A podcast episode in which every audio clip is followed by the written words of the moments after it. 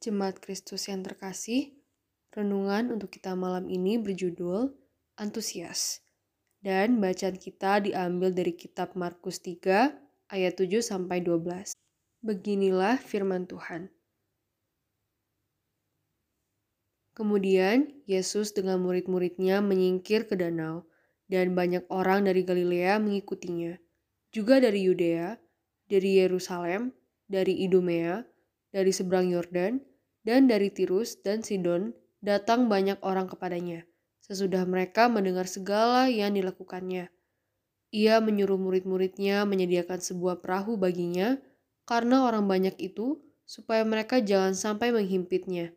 Sebab ia menyembuhkan banyak orang, sehingga semua penderita penyakit berdesak-desakan kepadanya hendak menjamahnya.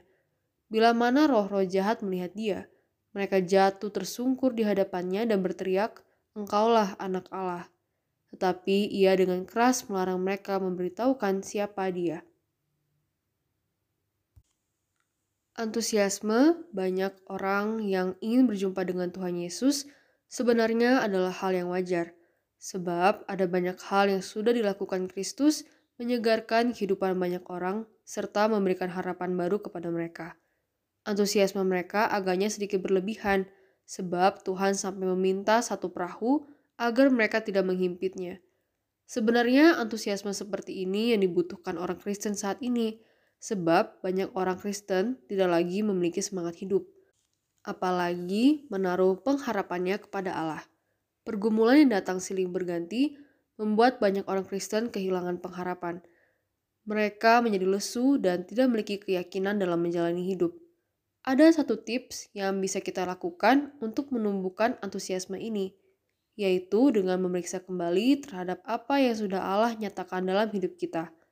Kalau kita bersedia memeriksa hal ini, maka kita akan menyadari bahwa sudah banyak hal yang Allah lakukan, dan itu semua menuntun kita kepada hidup yang diberkati. Jadi, jangan ingkari kasih dan karya Allah dalam kehidupan kita, Sebab hal itulah yang seharusnya membuat kita tetap memiliki antusiasme tinggi kepada kasih Allah. Jagalah roh yang ada dalam diri kita agar tetap menyala, muliakan Allah melalui hidup kita. Demikianlah renungan malam ini. Semoga damai sejahtera dari Tuhan Yesus Kristus tetap memenuhi hati dan pikiran kita. Amin. Jemaat yang terkasih, Mari kita bersatu hati, naikkan pokok-pokok doa yang ada dalam gerakan doa 21 GKI Sarwa Indah. Mari berdoa.